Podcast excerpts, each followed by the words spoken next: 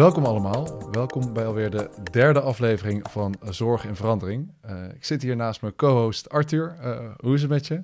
Ja, het, bij mij gaat het goed. Ja, ik heb er veel zin in. Ja? Zeker. Ja, zeker nu, uh, nu we natuurlijk de eerste twee hebben gehad. De eerste twee afleveringen best wel veel geleerd van toffe bedrijven. En ook echt wel wat geleerd qua podcast. We hebben wat nieuwe dingen toegevoegd vandaag. Ik ben ook benieuwd hoe die gaan, hoe die gaan vallen. Dus ja. ja, mochten de luisteraars daar opmerkingen over hebben, dan horen we die graag. Ja, we gaan het zien.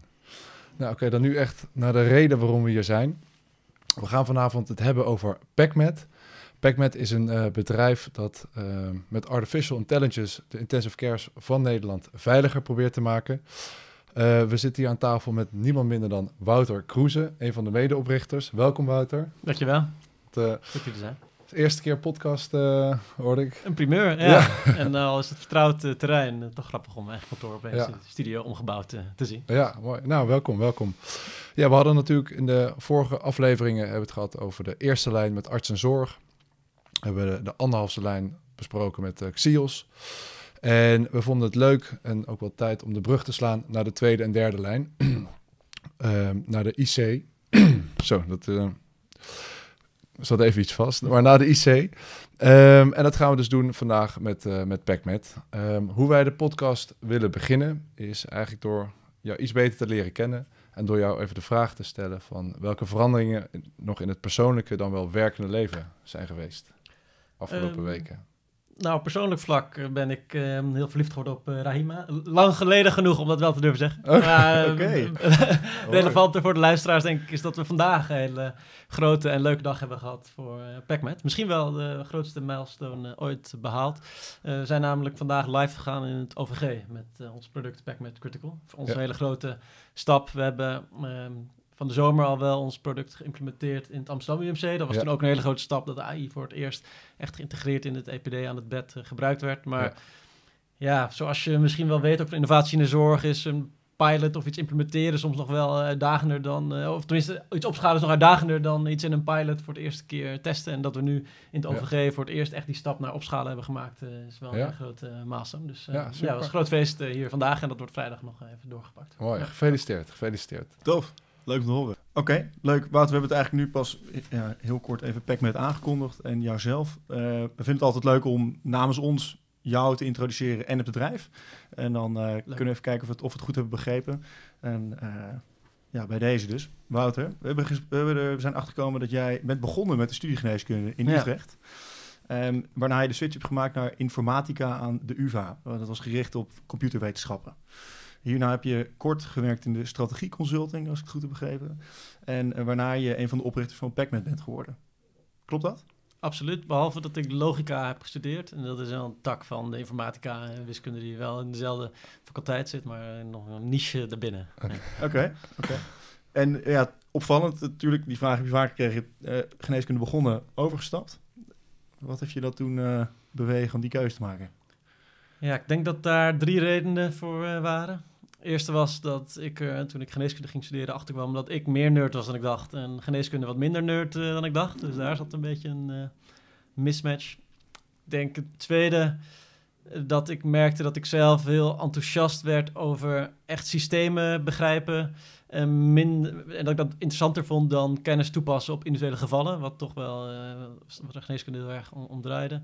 En ik denk ten derde, misschien ook omdat ik een beetje later puber en jong van geest was, dat ik uh, in de geneeskunde wel missen dat het vrij duidelijk was wat je ging worden. Heel beroepsgericht en best wel weinig ruimte om je eigen pad te volgen en je interesses te hebben. Tuurlijk kan je dan van huisarts tot bedrijfsarts tot chirurg uh, worden. Maar ik vond het toch een beetje benauwend idee dat al ongeveer wel duidelijk was wat ik uh, zou gaan doen 10, 20 ja. en 50 jaar later. En dat past ja. niet helemaal bij mijn karakter. En zeker niet bij mijn karakter toen. Ja. iets, dat, iets dat denk ik veel artsen kunt benauwend vinden. Hè? Ja, ik denk gewoon terugkeer in thema is, ja. Dat, dat, dat, dat, het een best een rechtlijnig pad kan zijn. Ja. Ja, ja. Um, ja dan, en dan PacMed. Um, je bent hier namens het bedrijf PacMed. En als we het goed hebben begrepen, PacMed ontwikkelt en implementeert een datagedreven beslissingsondersteuningstool of software. Die gebaseerd is op een AI-algoritme, ook wel Artificial Intelligence. En dat heet in het Nederlands kunstmatige intelligentie. Um, en dit doen jullie om patiënten eerder en gezonder van intensive care te ontslaan. Het product heet dan ook PacMed Critical, wat jullie nu hebben, wat je net ook al eerder benoemde. En we begrijpen dat er zo'n 40 mensen binnen het bedrijf werken op het moment. We zijn ook op jullie hoofdkantoor, prachtige plek. Uh, klopt dit ook zo in grote lijnen? Ja, perfect ja. ja. leuk. Ik heb er heel veel zin in, want ja, het, ja, dit hele thema rondom kunstmatige intelligentie is vooral het laatste jaar, het is bijna dagelijks in het nieuws en het, het laat zich echt al zien hoe, hoe het de maatschappij, hoe het disruptief is in de maatschappij. En het is altijd een beetje als, als arts van, ja, nee, dat gaat nog niet gebeuren, joh. Dat is nog zo ver weg. Uh, dus wel heel tof dat we het hier vandaag echt over gaan hebben. Um, en is nou jouw idee echt de AI-revolutie in de zorg nu toegeslagen? Ik denk dat de zorg nog steeds wel een lange weg uh, te gaan heeft, maar ik merk wel dat uh, ook het nieuws rondom ChatGPT van de mm. afgelopen tijd, dat het wel steeds duidelijker wordt. Stiekem werkt natuurlijk al heel veel van wat we deden, ook dokters deden in hun vrije tijd al wel door AI uh, ehm, uh, begeleid in ieder geval. Maar dat het nu met ChatGPT zo is gaan leven en zo menselijk ook voelt, maakt wel dat het nog weer een veel groter thema is, is geworden. en in het verlengde daarvan ook de grote uitdagingen rondom personeel en zeker ook in COVID-tijden de uitdagingen op die C maken ook wel dat er steeds meer erkenning is van, oh ja, digitalisering vormt misschien wel de enige uh, structurele oplossing of duurzame oplossing tot de problemen die we voelen. Dus uh, ja, we merken dat wel, uh, dat het sinds een jaar wel echt een stuk harder gaat. Ja, ja. oké, nou mooi. Ja, oh, je hebt het over oplossing. dan gaan we, wil ik daarop inhaken, dan gaan we naar het volgende item, de elevator pitch. een elevator pitch houdt eigenlijk in dat je kort en bondig iets vertelt over de onderneming. We zitten hier met de oprichter aan tafel, die, kan het waarschijnlijk het beste vertellen van iedereen hier op het kantoor. Um, nou, we willen beginnen met de probleemstelling uh, op te maken. En dan geven we jou de mogelijkheid om uh, de elevator pitch te geven. Um, nou, wat jullie aangaven, wat het probleem wat PacMed ziet, is met name het, de grote arbeidstekorten op de intensive care. En um, nou, wat is jullie, wat is de elevator pitch van PacMed daarvoor? Ja, ja, wij zien als PEC met grote personeelsproblemen in de zorg in algemene zin. Zeker als het gaat om verpleegkundigen. Maar dat voel je extra als het gaat om hoogopgeleide verpleegkundigen die ook avond- en nachtdiensten uh, moeten hebben. En dat zie je dus heel sterk op de IC. Dus de plek waar die, dat pijnpunt misschien wel het sterkst gevoeld wordt. En we hebben ook in coronatijden gemerkt dat uh, tekorten aan IC niet alleen op de IC heel veel impact kunnen hebben, maar in het ziekenhuis in brede zin of zelfs in de maatschappij in zijn geheel. En wat PacMed doet is, we maken beslissingsondersteuning die uh, artsen op de IC helpt patiënten eerder en gezonder van de IC te krijgen. En dat doen we door, nou, zoals wij zeggen, actiegerichte inzichten te geven op basis van alle data van patiënten die eerder in hetzelfde ziekenhuis opgenomen zijn geweest. En specifiek de eerste versie van ons product ondersteunt bij het veilig en tijdig ontslaan van patiënten van de IC, door voor alle patiënten op de IC de kans op heropname en ongewenst overlijden te presenteren. Wauw, wauw. Dat, uh, dat moet wel duidelijk zijn, of niet, uh, Arthur? Ja, maar ik denk dat we, we gaan er even dieper op in. Want er zo, ja, dat zeker. Die dat ik zeker. nog niet helemaal snap hiervan. Ja, nee, zeker. ja, wil jij... Ja, want, ehm, als we dan even teruggaan naar het begin. Um, jullie zijn al best een, jaar, een paar jaar bezig, toch? Jullie ja, in 2014 hebben we meegedaan aan de Nationale Denktank. En vanuit daar zijn we gestart. Dus ja. Hoe, hoe is dat, hoe is dat begonnen? Het, van het idee naar hier zitten in dit bedrijf, in dit, op dit kantoor? Ja, ik dacht zelf nooit ondernemer te worden. Dus dat is in die zin wel, uh, voelt nog steeds soms onwerkelijk dat we hier zitten. Maar ik heb Willem en Heer ontmoet tijdens de Nationale Denktank in 2014. Dat is een stichting die elk jaar 20 tot 25 uh, jonge, gedreven en uh, gelukkig ook naïeve studenten bij elkaar brengt met verschillende achtergronden om aan een maatschappelijk probleem te werken. En bij ons ging het over big data. En big data in de zorg was daar een van de onderwerpen van. En dat is helemaal niet ook een plek. Het is niet een start-up accelerator of incubator. Vaak komen er juist oplossingen uit die gaan over maatschappelijke campagnes, beleidswijzigingen. Maar wij zagen zoveel potentie ook in toepassingen op dat gebied. Dat we nou, een van de denktankoplossingen van 2014 uiteindelijk tot ons eigen bedrijf hebben gemaakt. Ja. En hebt natuurlijk een, je had toen al een bachelor geneeskunde afgerond. zorgde dat ervoor dat jij extra geïnteresseerd was in big data en de zorg? Ja, zeker. Ja, ja. zeker. ja dat kan me voorstellen. Ja. ja, cool. En Um, je, je, ik, er was één, toen je het net had over in die pitch, uh, je hebt het over actiegerichte toepassingen. Hè? Ja. Wat, wat zei je precies? Ja, voor ons is het heel belangrijk dat het niet een soort kennistool is, maar dat je echt aan het bed of in een belangrijke overleggen inzichten krijgt die een overzicht geven van hey, zo staat mijn patiënt ervoor. Of dit zijn de verwachte ontwikkelingen bij die patiënt of voor de afdeling in zijn geheel, zodat je nou, echt in de klinische workflows die besluiten kan nemen. En voor ons ook heel belangrijk, wat zeker op de IC nodig is, omdat daar zoveel data wordt verzameld, is dat je ook geïntegreerd bent in het EPD. Uh, dus we hebben ooit lang geleden in de huisartsenzorg ook al software ingezet die ondersteunde bij het inzetten van, uh, bij het ondersteunen bij handelkeuze bij urineweginfecties. Maar toen hebben nog de huisartsassistent en de huisarts handmatig 30 eh, dingen ingevuld per elke blaasontsteking. Maar dat zou op de IC niet mogelijk zijn, omdat we daar zo complexe data aan gebruiken. Hmm. dat het volledig in het EPD geïntegreerd is. En dat is wel een belangrijk, ja, ja, ja. Onderscheid van wat wij doen. Ja, want eh, je, je vertelde inderdaad al eerder, het begon dus bij de huisarts met Ja. blaasontsteking, je eindigt op de IC. Ja. Qua begin van de zorgketen naar het einde Ja. echt eh, 180 graden draai. Hoe, hoe komt dat, dat je die draai maakt? Eh, eh, wat heeft dat met AI te maken? Ja, goede vraag. Ja, we begonnen in de huisartsenzorg omdat we huisarts als een generalist zagen die van heel veel verschillende dingen iets af dient te weten, maar nooit expert kan zijn op al die verschillende aandoeningen die hij eh, ziet. Ehm, en we zochten met urineweginfecties een aandoening die voldoende schaal had, maar ook wel onschuldig genoeg was om voor het eerst met dit soort technologie aan de slag te gaan.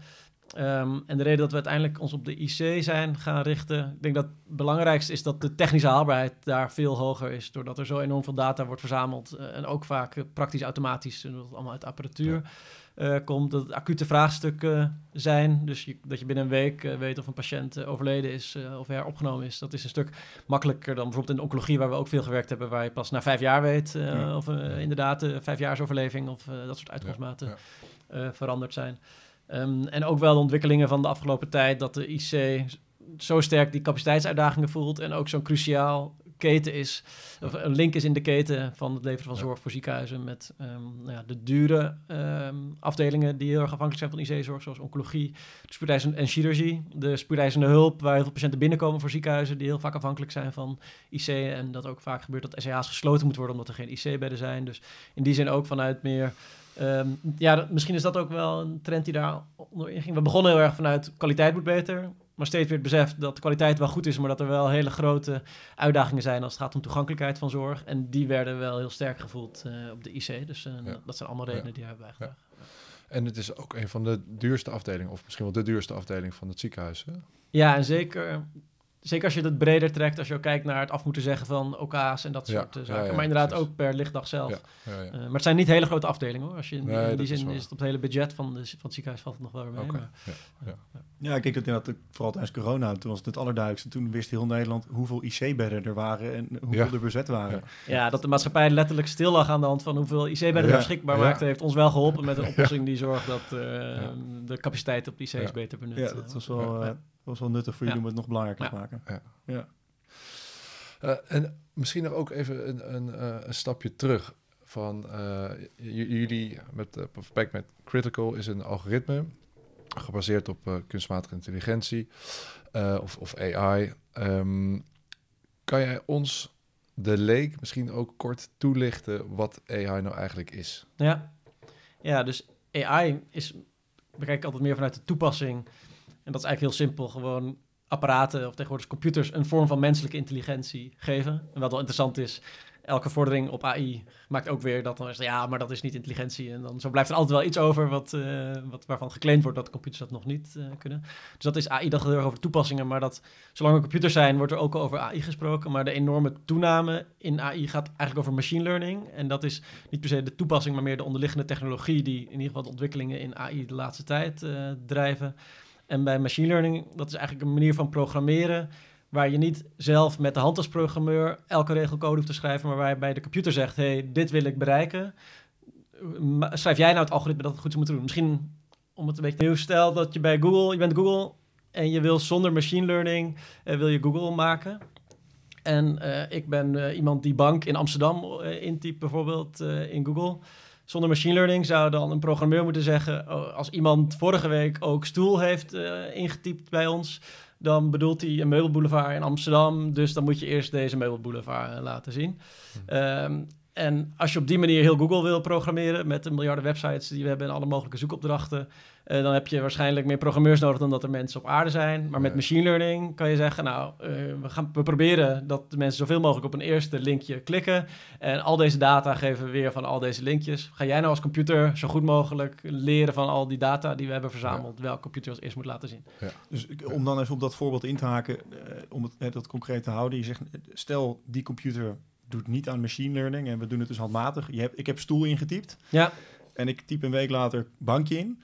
Dan eh, hopen we, tenminste dan moet iemand anders die op Google werkt, eh, hebben gezien dat jij als gebruiker van Google dat hebt gedaan. En dan handmatig vervolgens code schrijven van oké, en nu precies. eh, voorstellen doen voor advertenties voor Me- Meubel Boulevard. Ja, precies. In tegenstelling tot die computer die weet gewoon op basis van groeperingen van codes die bankje en stoeltje lijken op elkaar.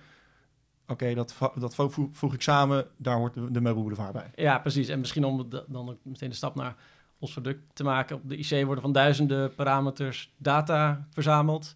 Eh, je kan een arts zelf, een artsen hebben zelf ook natuurlijk een idee van wat voor patiënten kunnen wel of niet veilig ontslagen worden. En die kunnen dan een soort, een soort beslisregels kunnen maken. Maar dan is dat best wel moeilijk om op basis van zes factoren dat te doen. Hè? Bijvoorbeeld eh, hoge leeftijd, lage bloeddruk, eh, hoge CRP. Dan moet je iemand niet ontslaan. Nou, dat zou een arts wel zelf waarschijnlijk kunnen eh, inzetten. Maar wij geven een computer mee van nou, dit zijn 10.000 patiënten. Die zijn in het OVG opgenomen de afgelopen jaren. Deze 6% daarvan is binnen een week heropgenomen. Kijk nou vanuit al die duizenden factoren die we van die patiënt hebben, welke factoren maken dat een patiënt een hoge of een lage kans heeft. En ja, een computer kan veel makkelijk daar duizenden, eh, met machine learning duizenden parameters meenemen. Terwijl als je een mens dat met de hand vraagt om Hmm. dat te gaan doen, dan ben je of heel veel tijd kwijt of je komt tot een heel beperkt Ja, eh, algoritme. Ja, want welke extra parameters worden dan meegenomen nog in het algoritme die de arts niet meeneemt?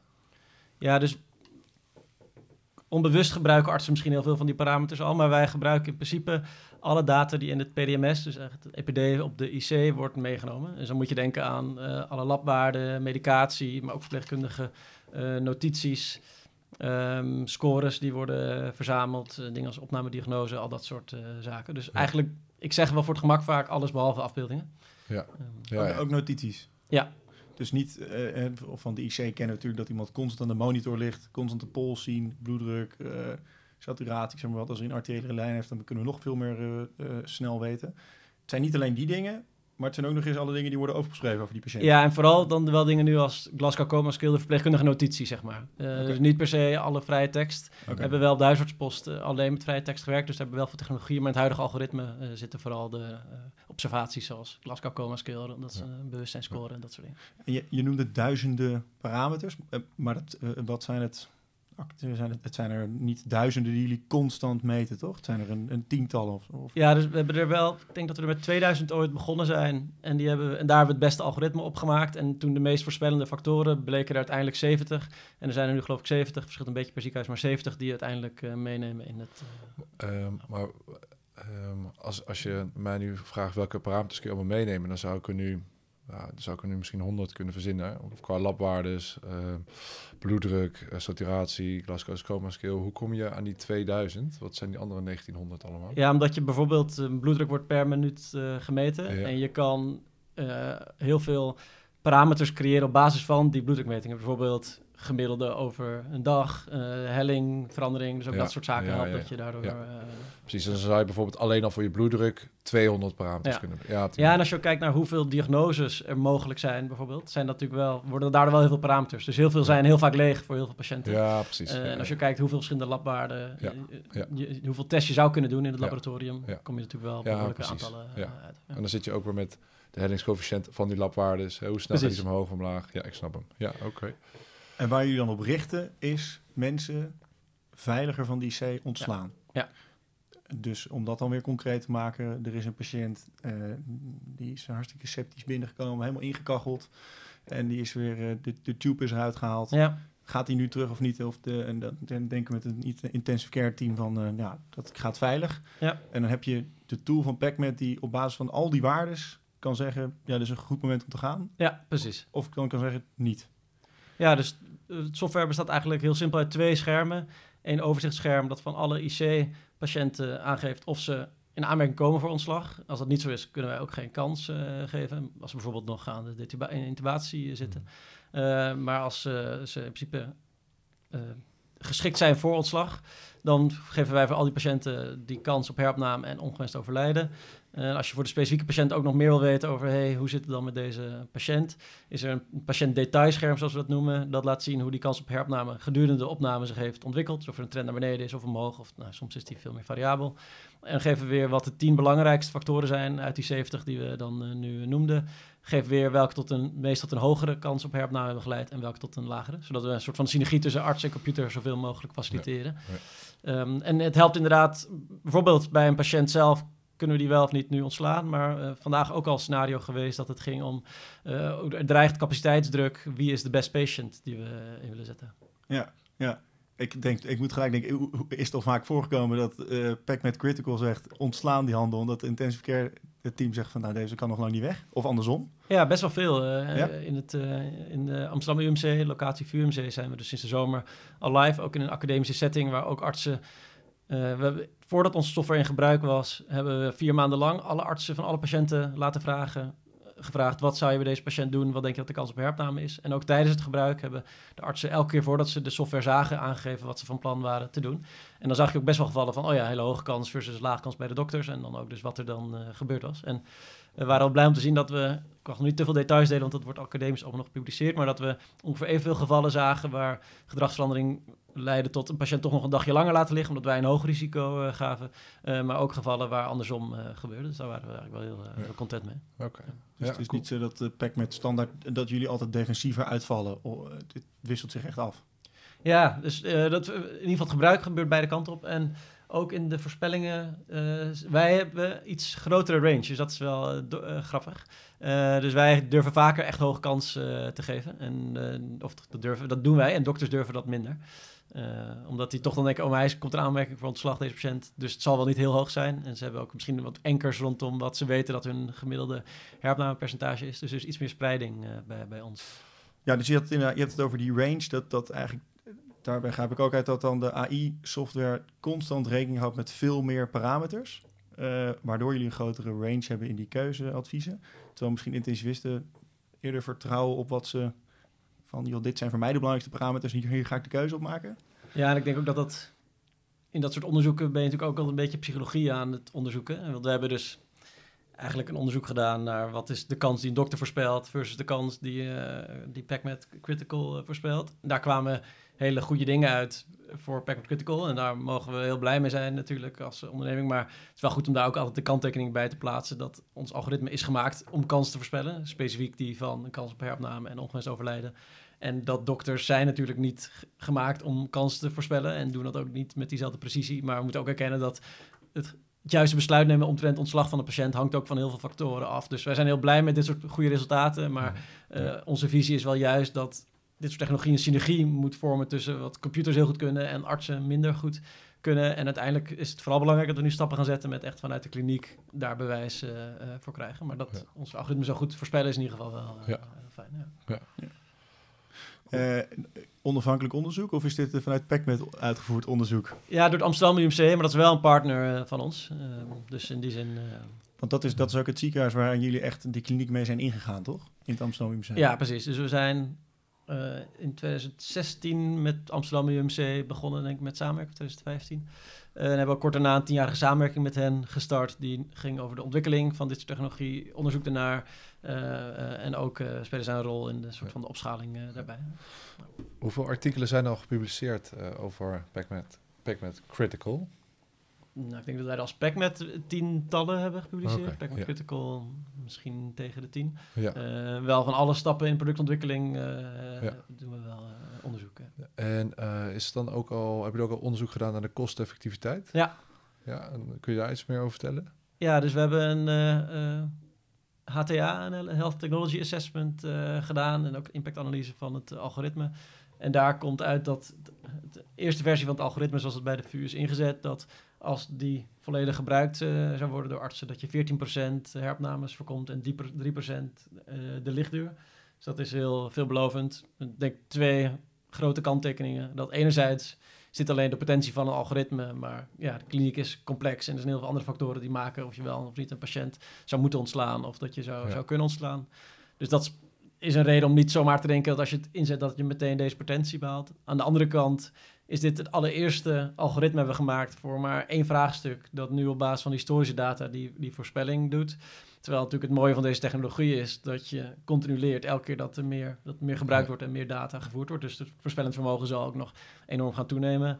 En wat voor ons ook een reden was om ons op de intensive care te focussen. We hebben dus data van die duizenden parameters eh, moeten verwerken, opschonen, medisch valideren en verrijken om tot een valide voorspelling te kunnen komen voor Ja. in dit geval dan kans op heropname en, en overlijden. Maar het mooie is als je de software wil uitbreiden straks met bijvoorbeeld eh, risico op detubatie of risico van verslechtering of risico op sepsis of verschillende uitkomsten van bepaalde behandelingen, dan kan je al die duizend parameters weer opnieuw gebruiken. Dus we Ja. verwachten ook dat we steeds sneller de software kunnen uitbreiden Ja. met ook andere relevante inzichten. Ehm, dus in die zin, mooi dat er positieve impact te verwachten is bij het huidige algoritme. is ook heel belangrijk eh, natuurlijk voor ons in deze fase. Maar eh, uiteindelijk denken we dat het maar het begin is. Ehm, eh, dat er nog veel meer The impact best gemaakt kan is yet to come. Laten we het eh, wel hopen. ja. Ja, en, en het, het, het- je zegt het is, het is kosteffectief. Ik stel, ik ben een ziekenhuis, ik wil gaan werken met PacMed. Hoe ga ik dat betalen? Ja. Die maatschappij IC die heeft een eh, vaste pot. Hoe kun je dat kort uitleggen hoe dat werkt? Ja, dus het is inderdaad een eh, licentie die, we, die het ziekenhuis bij ons afneemt. Maar het verschilt nog wel best veel per IC en per ziekenhuis en ook hoe dat ge- eh, georganiseerd is, wie die licentie afneemt. Ik moet ook eerlijk zeggen, dat maakt de IC best wel, of Ne- Nederlandse zorg, maar ook zeker de IC, best wel complex. Ehm, want je wordt per lichtdag betaald als IC. Ehm, maar aan de andere kant, zoals ik al zei, is er enorme druk nu. Dus het kan direct niet per se, is het altijd in het belang van het ziekenhuis om een kortere lichtduur eh, te hebben. Maar door de enorme personeelsproblemen eh, zitten ze daar wel erg mee. Want het probleem is niet dat ze de IC's niet gevuld krijgen, maar dat er heel veel personeelsproblemen zijn.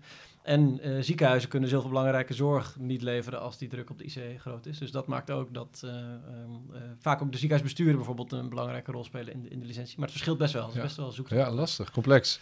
Maar je zegt dus ook dat omdat patiënten per lichtdag, of tenminste het ziekenhuis wordt per lichtdag betaald, dus IC's hebben niet helemaal een prikkel om patiënten zo snel mogelijk of op het goede moment te ontslaan. Dat extra, een patiënt extra laten liggen is ook nog, dat is ook een financiële prikkel. Ja, dus op dit moment, als er geen personeelstekort zou zijn en als er ruim capaciteit zou zijn, dan zou het financieel gezien, en gelukkig zijn artsen, maar ook ziekenhuizen niet altijd alleen financieel gedreven, Ja. zeker de artsen natuurlijk niet, maar Ja.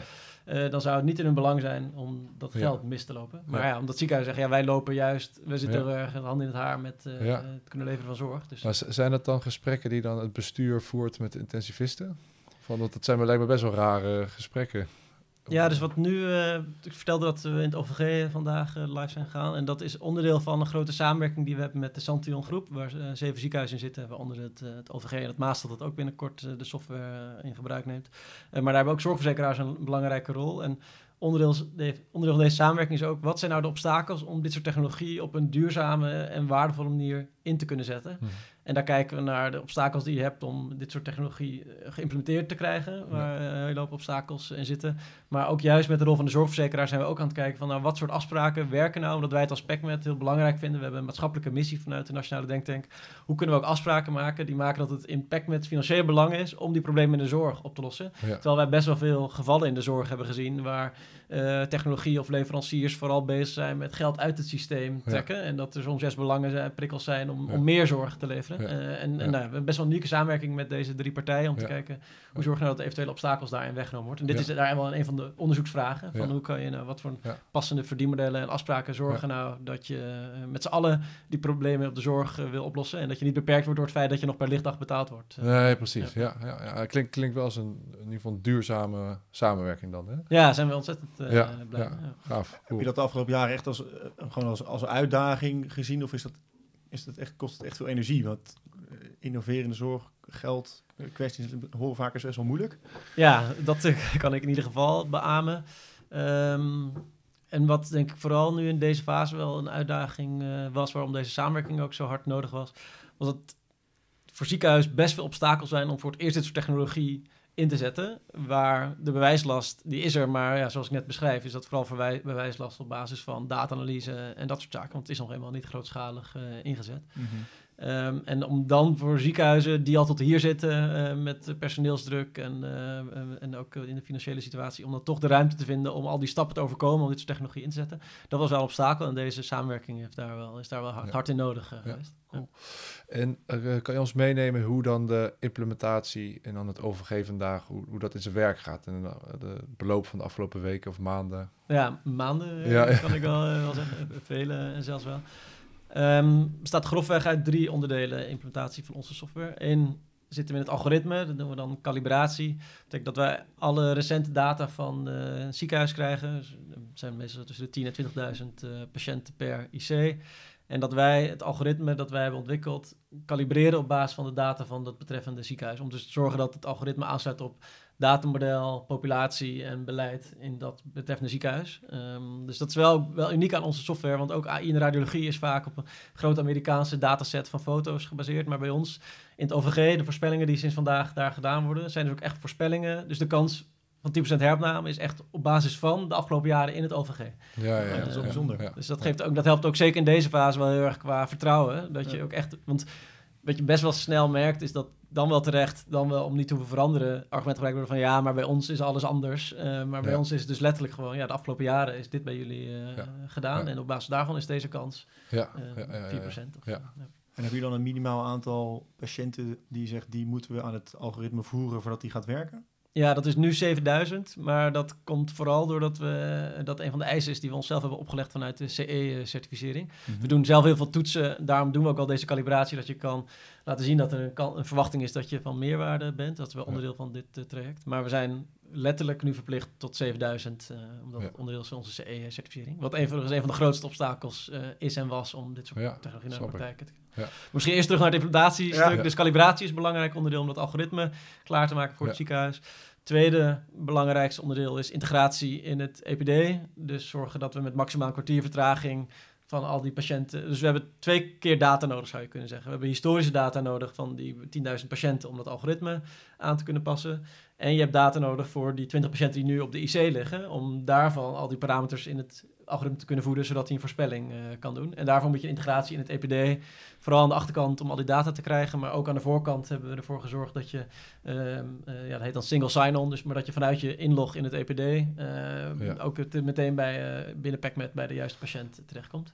En zit het dan in het EPD, als in, volgens mij is dat Epic in het OVG Ja, op IC is het, nog- is het Metavision. Oh, Metavision. Oké, dus ja, weer een ander systeem. Maar zit het dan in dat EPD of is het nog een los programma? Wat je, dus, dus dat je moet schakelen tussen het EPD en het Backmac Critical. Ja, dus we hebben wel een eigen frontend. Dat vonden we ook heel belangrijk. Want ook datavisualisatie en dat soort dingen Ja. zijn eh, heel belangrijk. Eh, maar het is dus wel... De, de dokters zitten in het EPD en kunnen daarin Pacman Critical aanklikken. En dan kom je in ons eh, scherm Ja, terecht. Dus Ja. zonder verder inlog of data invoer. Maar we hebben wel een aparte omgeving die we ook dan zelf aan kunnen passen. Oké. En- En gebruikerstraining is het derde onderdeel. Ja, eh, oké. dat is nog van de, een belangrijk onderdeel Ja. van de implementatie. Hoe lang, eh, hoe lang duurt dat? Nou, dat is gewoon één training per, eh, per gebruiker. Dus dat valt. eh, dat is het, verder het kleinste, eh, makkelijkste deel. Kom je nog veel weerstand tegen bij oude intensivisten? Nou, weerstand valt nog mee, maar je merkt wel dat eh wordt wel best vaak. Ja, ik weet het wel, maar ik denk dat mijn jongere collega's er wel heel veel aan hebben. En eh, ik denk dat dat voor een groot deel ook legitiem is. Eh, maar zou ook vast wel eh, te maken hebben met eh ja, innovatie eh, eh, behoeften. Oeh, Oh, volgens mij is de intercollegiale lijn. ja. Is, Toch? dat is een van onze nieuwe items volgens mij, hè? Ja, volgens mij ook ja. Ja. Kun je hem even oppakken? Ja, zal ik hem even opnemen? Eh, ja, we hebben hier aan de lijn eh, Andrea Sulzer, intensivist eh, in het Spaarne Gasthuis. En ja, zij heeft een vraag voor jou, eh, Wouter. Leuk. Als intensivist besluit ik soms een patiënt niet over te plaatsen naar de verpleegafdeling, ook al zou dat getalsmatig wel kunnen. Redenen om een patiënt te houden kunnen zijn de zorgzwaarte, noodzaak tot mobiliseren, de kwetsbaarheid, eh, drukte op de afdeling, weinig personeel en zeker de ervaring dat overplaatsing op een weekenddag vaak resulteert in heropname IC. Mijn vraag is hoe PakMed eh, rekening kan houden met dit soort afwegingen. Ja, goeie vraag, maar eigenlijk ook heel simpel. Door de afweging aan de arts te laten. Dus Packmet Critical helpt met medisch gezien de toestand van de patiënt goed in kaart te brengen. Nou, in dit geval door kans op heropname of overlijden in te schatten. Maar er zijn nog heel veel andere factoren die maken of iets wel of niet een goede medisch eh, eh, besluit is. En eh, ik denk dat het niet handig is om dingen als familieoverleg en dat soort dingen, of, of mening van familie, of eh, inderdaad zorgvragen of de toestand op de verpleegafdeling, om die allemaal mee te geven aan, eh, aan een algoritme. Volgens mij Ja. is het juist goed om de synergie te creëren en dat wij kunnen helpen dokters met al die data te verwerken naar een duidelijk beeld van hoe gaat het nou met de patiënt, zodat zij dat kunnen combineren met alle andere factoren die maken Ja. of iets wel een goed besluit. Dus echt beslissingen ondersteunen. Ja. En dan eigenlijk echt puur op het medische deel. Eigenlijk, hè? Ja. Dat. Toch? Of, eh, of, of worden Ja. er nog Nee, niet nee, medische nee, dingen? nee, Ja, precies. Oké. Ja, leuk. Nou, ja, volgens mij, Leuke vraag volgens ook. mij is eh, Andreas vraag wel beantwoord. En anders horen we het nog. eh, Ja. Ja. Ehm, hey, ehm, we, we hadden het, eh, vo- voordat we begonnen al even, hebben we het over Pack met Critical gehad, maar je gaf ook al duidelijk aan, we zijn ook echt met, met meer dingen bezig naast alleen dit wat we nu doen. We- Zou je daar nog wat meer over willen vertellen? Ja, we hebben wel ons eh, volledig gericht op Packmat Critical nu als bedrijf. Ehm, maar binnen Packmat Critical denken we dus heel snel de software nu uit te kunnen gaan breiden door ook met andere eh, inzichten en andere modules te ondersteunen.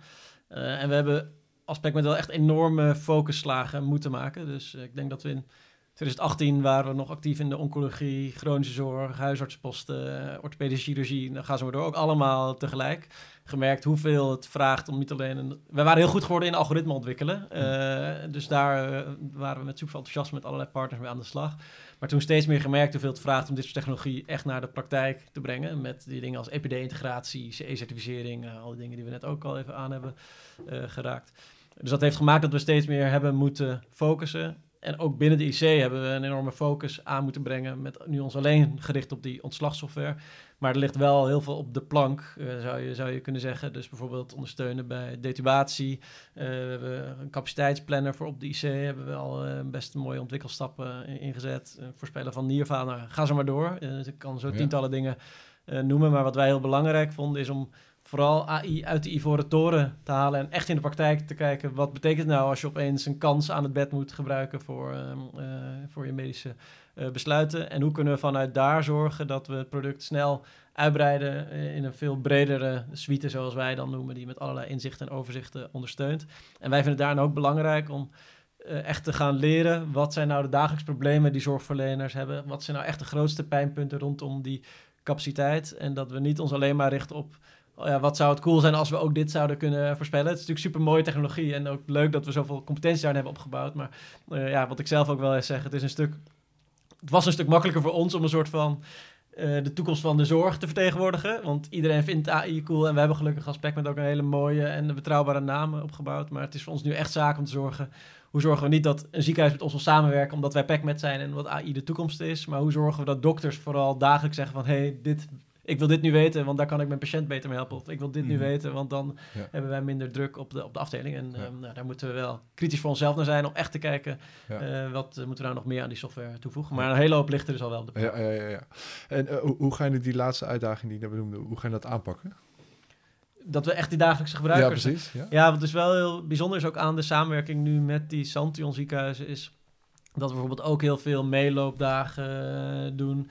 Eh, we doen. Dat noemen we dan eh, design sprints. En dan we met, zitten we met een team in het ziekenhuis. En dan gaan we met hen allemaal probleemstellingen door. En dan gaan we allemaal mogelijke oplossingen daarvan toetsen. Dus we hebben in die zin best wel andere werkwijze. En natuurlijk heel belangrijk dat we nu vanuit de praktijk leren welke discussies ontstaan er. Wat zijn interessante cases? We hebben met de VU, of Amsterdam UMC, locatie VU UMC moet ik dan zeggen, laatst nog een sessie gedaan van wat waren nou de tien meest interessante cases waar of dokter en computer heel ver uit elkaar lagen of waar eh, gedragsverandering was geweest, om dat dan beter te, te begrijpen. Dus Ja. ja. dat soort dingen kunnen we nu doen en dat was voorheen moeilijker als we met alleen met een soort super expert aan de slag gingen om iets nieuws te maken. En nu Ja. merk je gewoon dat Ja. eh, doordat het in de praktijk is ingezet, dat je er veel Ja. beter beeld krijgt van wat allemaal kan en wat er juist uitdagingen zijn die je misschien niet had. eh, Ja, maar echt Ja. cool. Echt van, eh, wat je ook eerder zegt, van de beloften zijn in de geneeskunde en PEC met mijn mooie naam daar nu heel concreet worden. Ja, precies. Dat gaan we nu echt toevoegen. Precies. Ja. En als we dan toch een beetje eh, het gaan hebben over visie en de toekomst, eh, eh, ja, kun jij een inschatting geven van hoe gaat AI wel over tien jaar de zorg veranderen?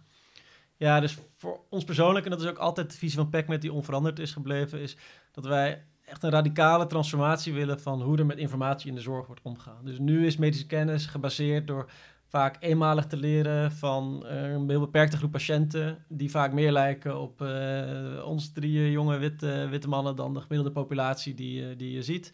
En ook vaak worden daar maar eenmalig gemiddelde resultaten bij, bij behaald, die vaak ook nog positiever lijken dan in de praktijk dan het geval.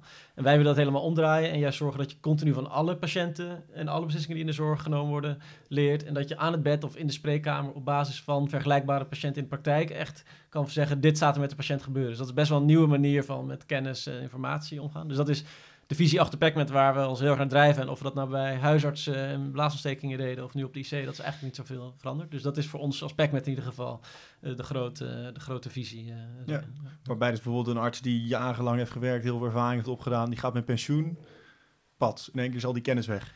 Ja, en bij precies. jullie eh, wordt, blijft het maar, blijf je maar doorbouwen en blijft die kennis maar beter worden. Precies, wat je wat, en dat doet digitalisering misschien ook in algemene zin, je wil dat eigenlijk de lokaliteit uit de zorg verdwijnt. Dus je wil, wat, wat mijn dromen zijn voor PacMed, maar die kunnen we niet in ons eentje eh, gaan bewerkstelligen, maar dat elke beslissing in de zorg gebaseerd is op data van honderdduizenden patiënten en de aller, allerbeste medische expert op dat gebied.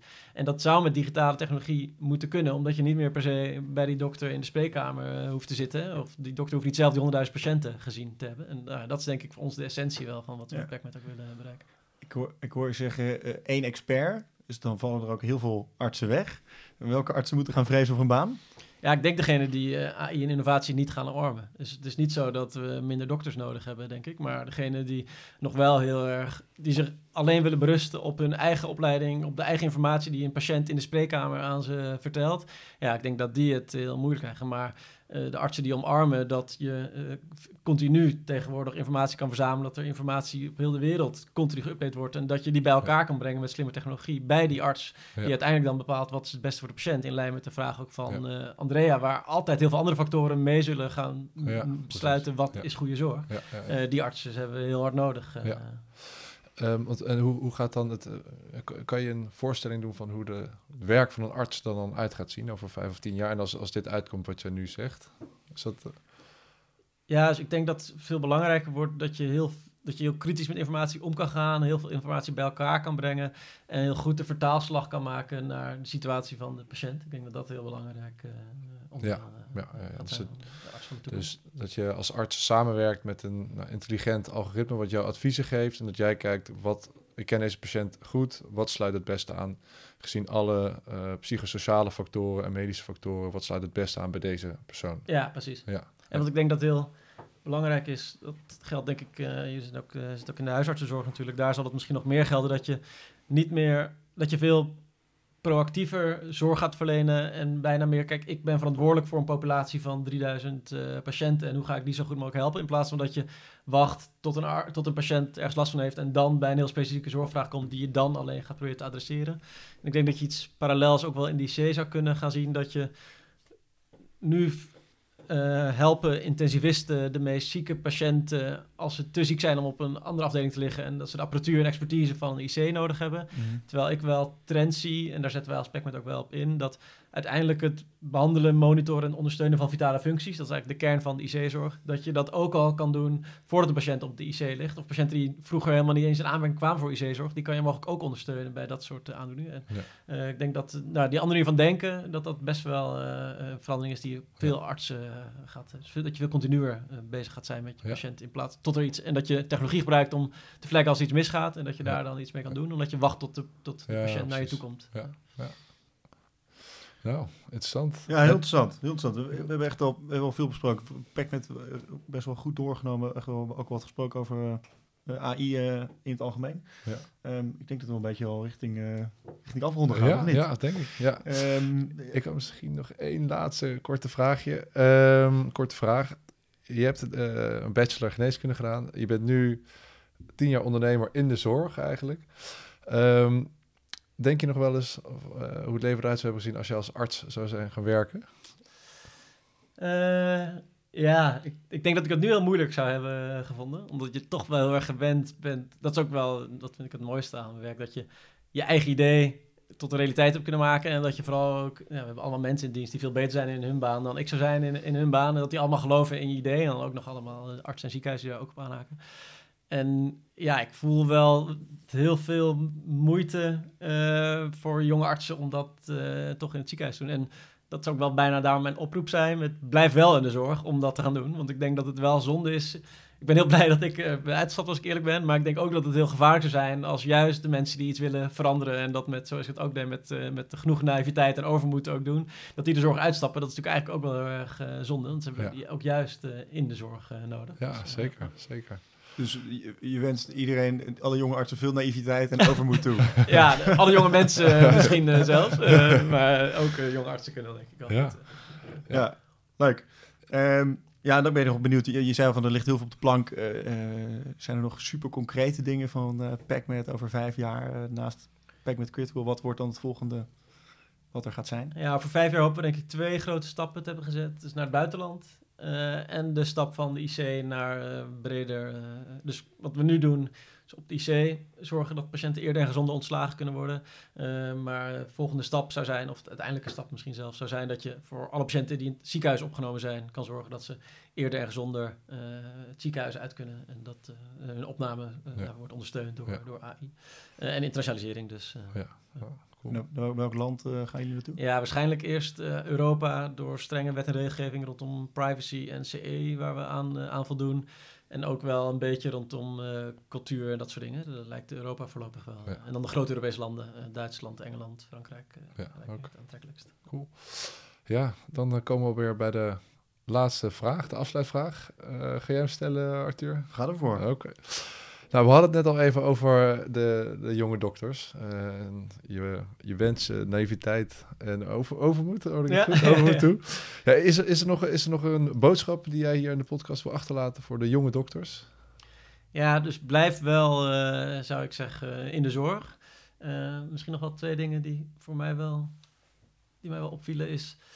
Um, wij waren heel jong natuurlijk al uit de zorg gestapt. Het is natuurlijk een hele hiërarchische wereld, maar uh, wij hebben zelf, wij zijn altijd heel erg omarmd door de zorg, met ook onze wens om dingen te veranderen. En hebben, we zijn heel beleefde jongens, maar uh, heel informeel zijn we altijd geweest. En met ons enthousiasme kregen we daarin toch altijd wel heel veel support van alle lagen die er eigenlijk in de zorg waren. En ik, ik hoor wel eens dat mensen dan verrast zijn van, oh, nou, toen ik promovendus was of toen ik co-assistent was, kon het allemaal echt niet. En ja, waarom dat dan niet lukt, weet ik niet. Misschien in, kijken uh, de klassieke artsen anders naar ons, omdat wij van buiten de zorg, in, of in ieder geval niet uh, onder in rang zitten. Maar we voelen daar superveel support in ieder geval. Uh, mm. Van ook mensen waar anderen dat niet altijd misschien verwacht hadden.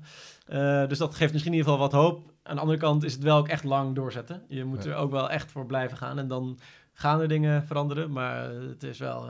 ja, als je, als je ons had verteld toen we in 2014 dit wilden beginnen dat we nu hadden gestaan waar we nu stonden, dan waren we, hadden we niet kunnen geloven dat we zo'n bepalende speler waren geworden als het gaat om in de zorg. Maar als je had gehoord, pas in 2023 uh, gaat je eerste klant uh, de software gebruiken, dan hadden we ook dat nooit geloofd dat het uh, zeg maar negen ja. jaar zou duren. dus ja. dat is wel dat is confronterend, maar ook iets wel. Dus waar, waar een dokter ook meer dan tien jaar moet studeren om eindelijk echt mezelf mogen werken, moeten jullie er ook zo lang over doen. En, en, nou, en daar zit ook misschien een beetje wel dat naïviteit en overmoedstuk we waren veel te vroeg met wat we wilden doen. Maar doordat we ook zelf nog heel vroeg in onze carrière waren en we daardoor ook de tijd en de drive hadden om gewoon alles op te bouwen wat nodig is, zowel persoonlijk als ook, uh, ook om je heen. Dat maakt uiteindelijk wel dat het gelukt is. Terwijl als we toen hadden gehoord, ja, het gaat negen jaar duren, dan uh, als we die naïviteit niet hadden, ja. dan waren we ook nooit gekomen waar we nu zijn. Dus, Blijven volhouden dus. Precies. Oké, okay. nou mooi. Dankjewel Wouter. Dank jullie wel. Ja. Leuk. Um, ja, dus als we hem dan even kort samenvatten. We hebben hier uh, op het hoofdkantoor van PacMed uh, gesproken met Wouter Kroeze. En gehoord hoe PacMed met een uh, AI-getrainde beslissingsondersteuningstool de IC's in Nederland veiliger probeert te maken. Om intensivisten te ondersteunen met wanneer kun je iemand nou veilig ontslaan zonder dat hij terug gaat komen. en daardoor het werken efficiënter maken. Um, lang doorzetten, overmoed, optimisme. Naiviteit. naiviteit. Um, ja, misschien dat dat jullie typeert, maar dan ook wel, uh, wel met een hele positieve en wens om echt de maatschappij ten goede te verbeteren. Voor mij is het allemaal wel duidelijk. Zeker, uh, zeker. Ik ben heel benieuwd of het ook voor de luisteraars thuis duidelijk is geworden. Zo niet, dan, nou, dan horen we vragen, graag nog de vragen tegemoet. En Wouter, ja, heel erg bedankt. Leuk. Ja. Mooi, dank jullie wel. En Andrea, jij ook nog bedankt. Ja, oké, okay, tot de volgende keer. Tot de volgende keer.